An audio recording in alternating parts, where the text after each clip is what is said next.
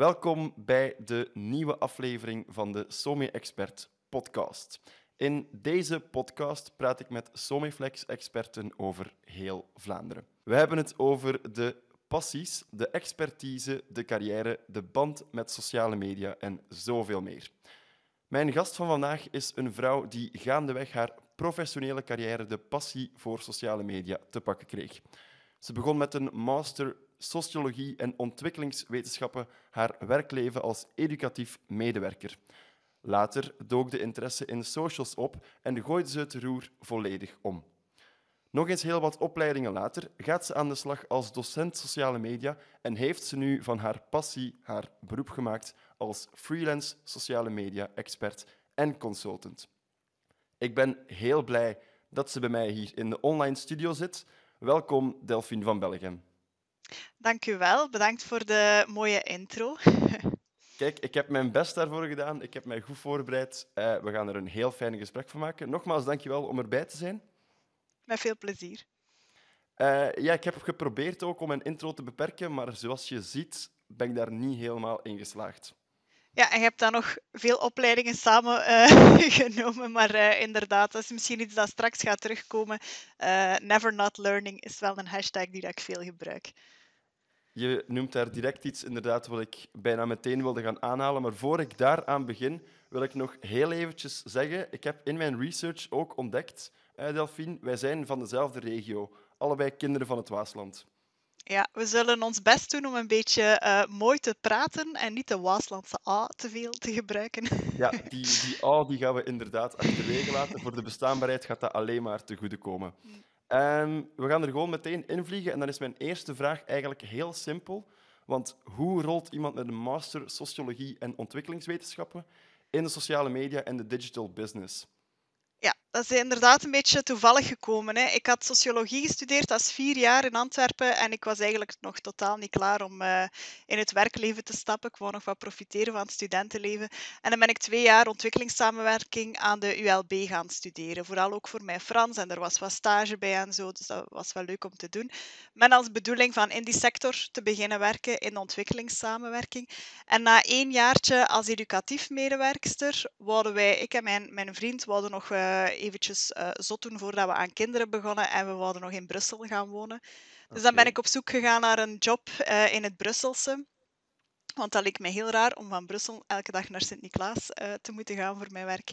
Um, en daar had ik geluk. Ik mocht direct bij Viva Salut, toen nog geneeskunde voor de derde wereld, starten als communicatiemedewerkster. En ik dacht, ja, ik kan wel een stukje schrijven. Uh, communicatie, digitale media, dat boeit mij wel. Maar ik was daar eigenlijk nog niet echt in geschoold. Hè. Sociologie en communicatiewetenschappen, die hebben veel vakken samen. Dus ik had daar wel al communicatiewetenschap en zo gekregen. Maar in de praktijk had ik dat nog helemaal niet in de vingers. En tijdens die job heb ik daar superveel kansen gekregen. Ik werd daar goed omringd, ik werd daar goed opgeleid intern.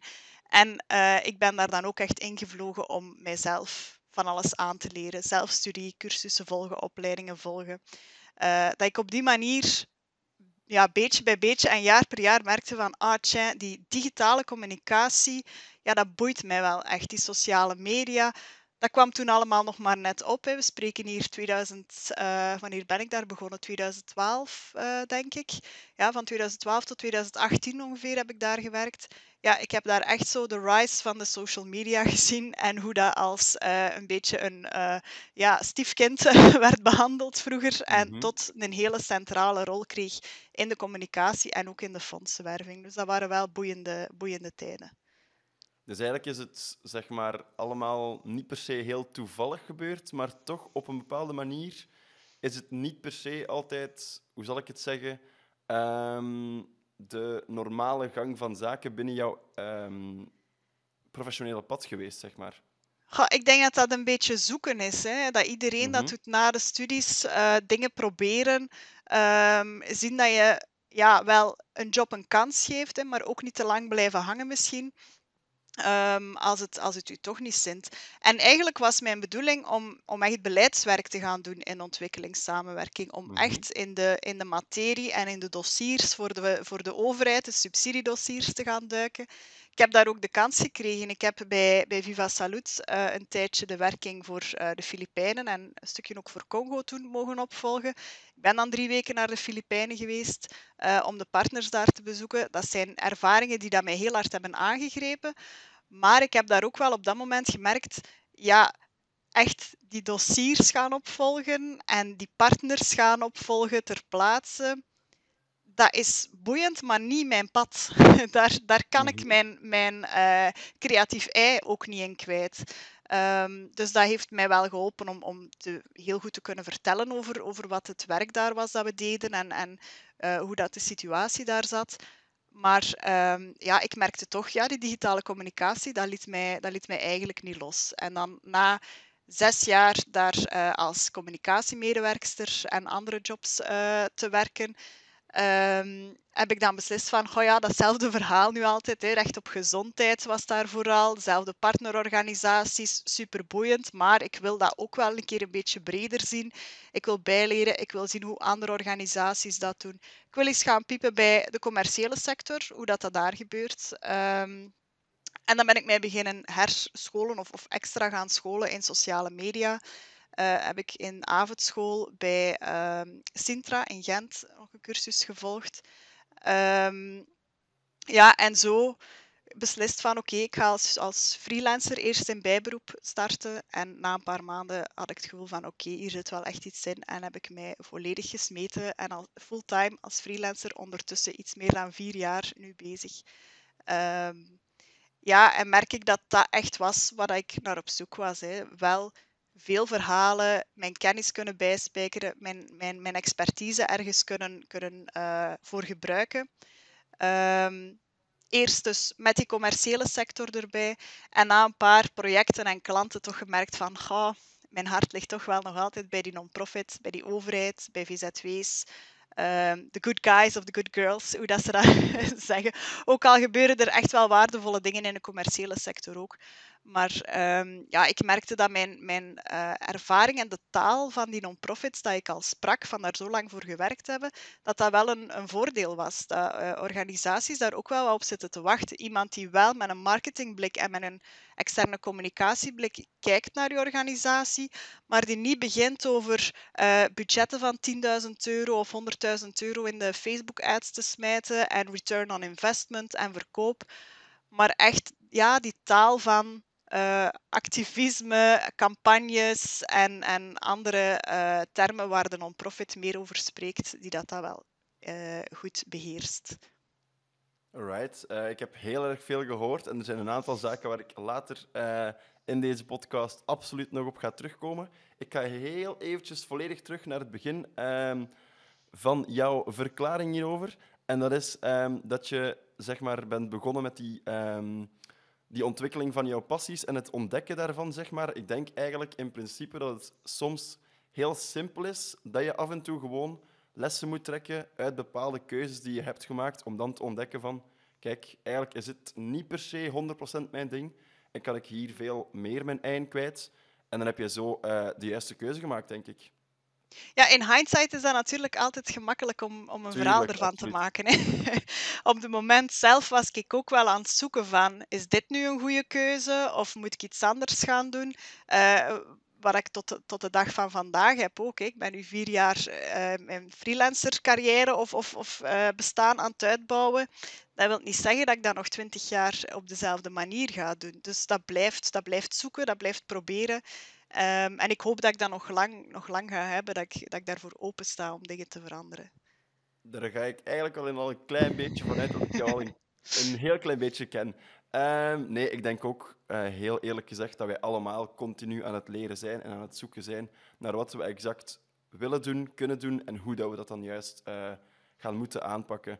Je hebt daarnet ook gezegd, ehm, die opleiding bij Sintra, dat was er eentje dat je hebt gedaan. Ja. Maar ik heb in mijn voorbereiding in, eh, naar dit interview heb ik gemerkt ja, het is niet bij één opleiding gebleven. Je bent eigenlijk, wat je daarnet zei, dat never not learning, dat is wel een dingetje bij jou.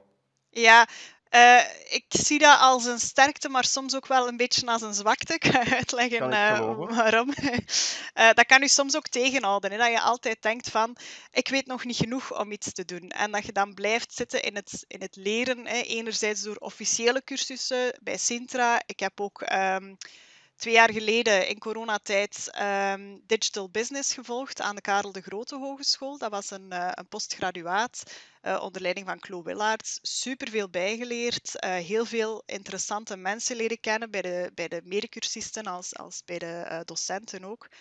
Um, Daarnaast lees ik ook echt heel veel. Daar is ook een valkuil van constant uh, non-fictie, dus echt uh, zakelijke boeken of boeken die te maken hebben met mijn, met mijn uh, job.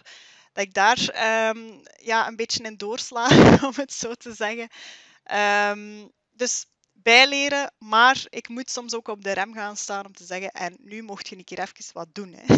en niet blijven ja, ja, ja. leren, maar echt ook uitvoering en echte dingen in de, in de praktijk brengen.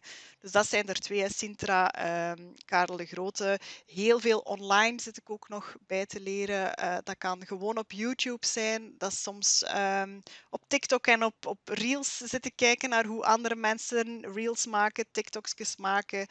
Um, ja, constant die, die blik open houden en, en zien van oké, wat kan ik hierbij eh, leren? En dan zit er nu ook nog een heel groot ding op ons af te komen waar dat ik eigenlijk dringend mijn tanden eens ga moeten inzetten. Maar alles wat aan metaverse, NFT's, eh, dat soort dingen zijn, ja, dat, is, dat gaat volgende worden, denk ik, uh, waar ik eens in ga moeten verdiepen.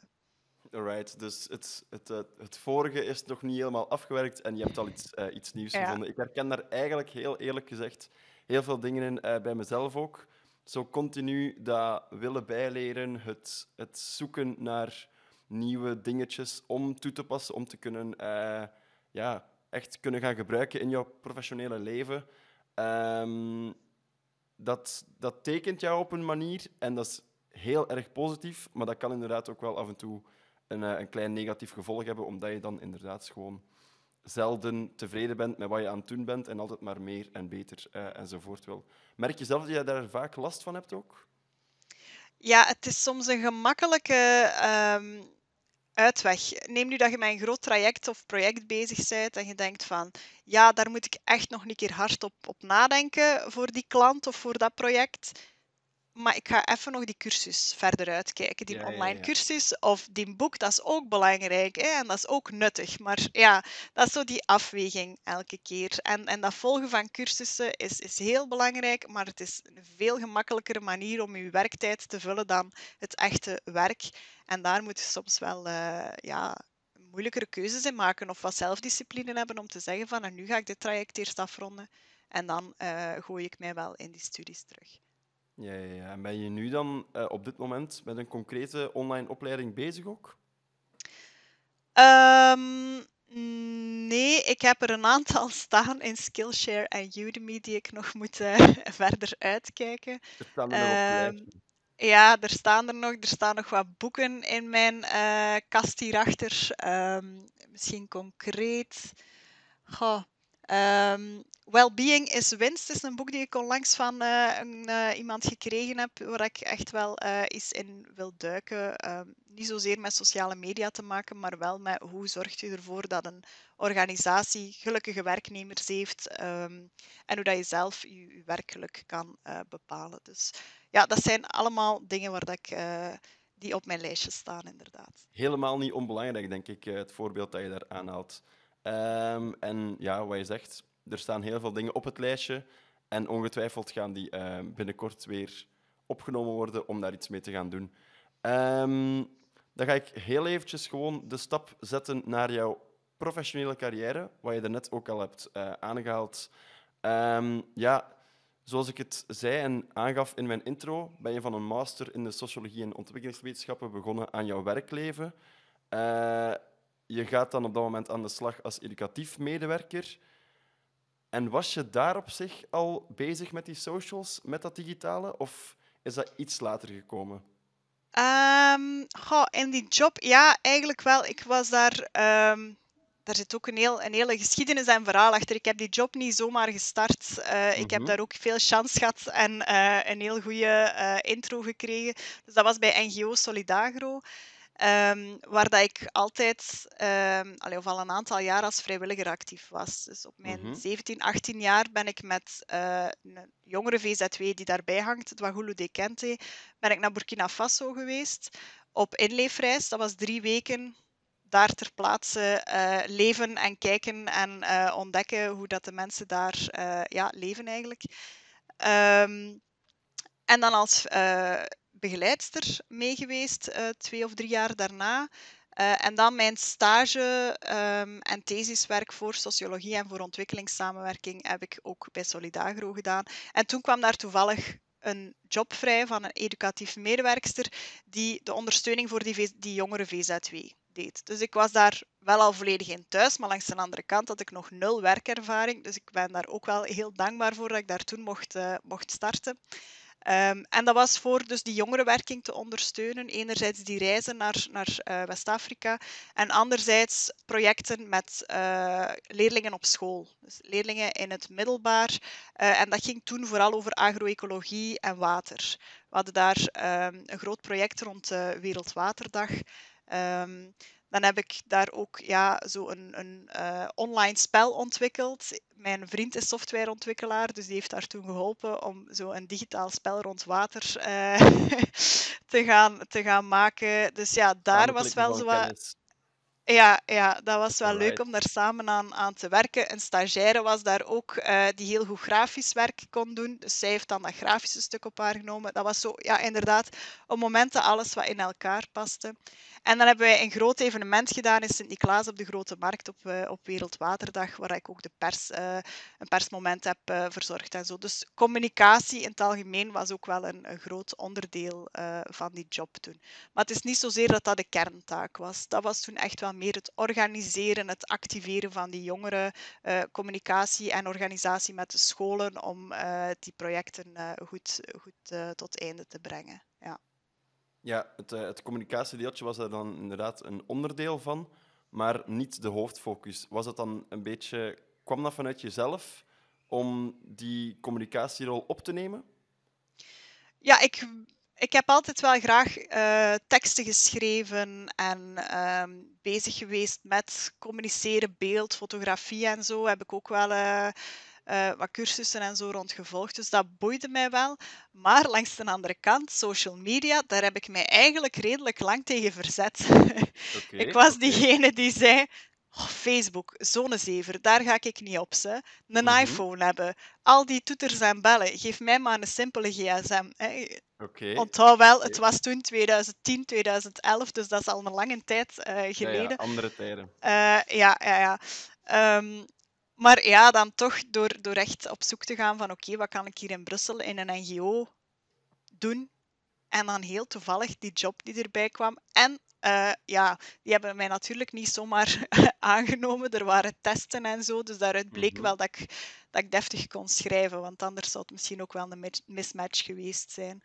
Ehm, maar daar echt on the job zoeken, proberen, goede begeleiding krijgen. Ik denk, als je zo kunt starten na je studies, dat dat wel iets is waar dat iedereen naar op zoek is, die eh, ja, op die manier een carrière wil uitbouwen of carrière, een, een, een werkleven wil uitbouwen.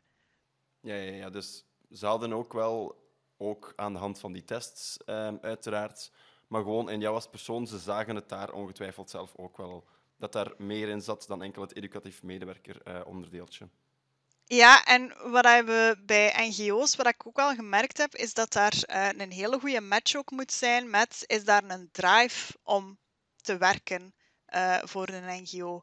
Soms hebben VZW's en non-profit hebben die een, een vrij slechte reputatie, of overheid ook, van goh, eh, dat is, dat is eh, ja, zonder winstbejag, dus je moet daar niet veel doen. Nee, het tegendeel is eigenlijk echt waar. Want je merkt, als je daarbij werkt, Ehm, vrijwilligers worden opgetrommeld om komen werken voor die organisatie, om niet daarvoor betaald te worden. Dus jij bent bij degene die betaald wordt om die job te doen, dan mocht je daar super dankbaar voor zijn en dan wilt je nog harder werken om dat waar te zijn. Want je weet ook hoeveel moeite dat daarvoor moet uh, gedaan worden om die fondsen binnen te krijgen, om mensen te overtuigen om een gift te doen voor die organisatie.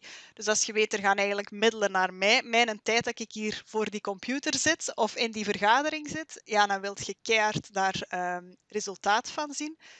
En um, ik merk ook nu in die sector dat daar ook heel veel burn-out en zo uh, komt bij kijken. En dat mensen daar soms ook echt uit moeten stappen omdat ze zeggen van ik kan het gewoon niet meer. Er is te weinig verschil tussen mijn professionele ik en mijn activisme of mijn vrijwilligers-ik.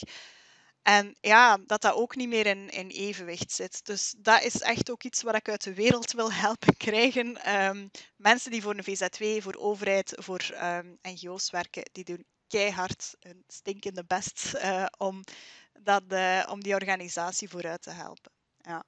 Heel terecht dat je die, uh, die mensen waar je zelf ook onderdeel van was, een, een bloemetje geeft. Denk inderdaad wat je zegt dat dat helemaal klopt. Dat er een bepaalde drive zit die in andere sectoren bijna niet te herkennen valt. Um, we springen dan van educatief medewerker, waar je al een klein beetje dat communicatieve ook op jou neemt, naar echt die rol van communicatiemanager bij Viva Salut. Klopt dat? Ja. Uh, ja. En is dat dan een soort van teken aan de wand dat er ook wel um, andere functies in jou naar boven zouden komen later?